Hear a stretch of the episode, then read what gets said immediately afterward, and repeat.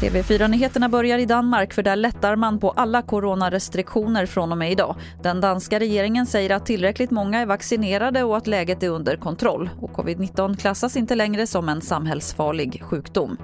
I USA däremot inför president Joe Biden nu en tillfällig lag som tvingar arbetsgivare med 100 eller fler anställda att se till att personalen är vaccinerad mot covid-19 alternativt att testa alla anställda varje vecka.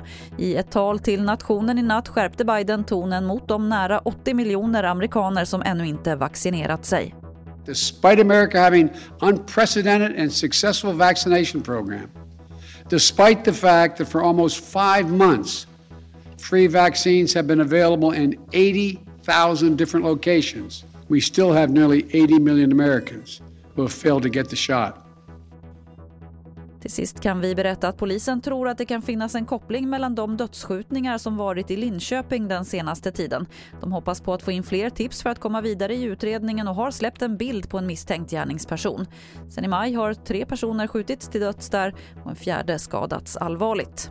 Det var det senaste från TV4 Nyheterna. Jag heter Lotta Wall.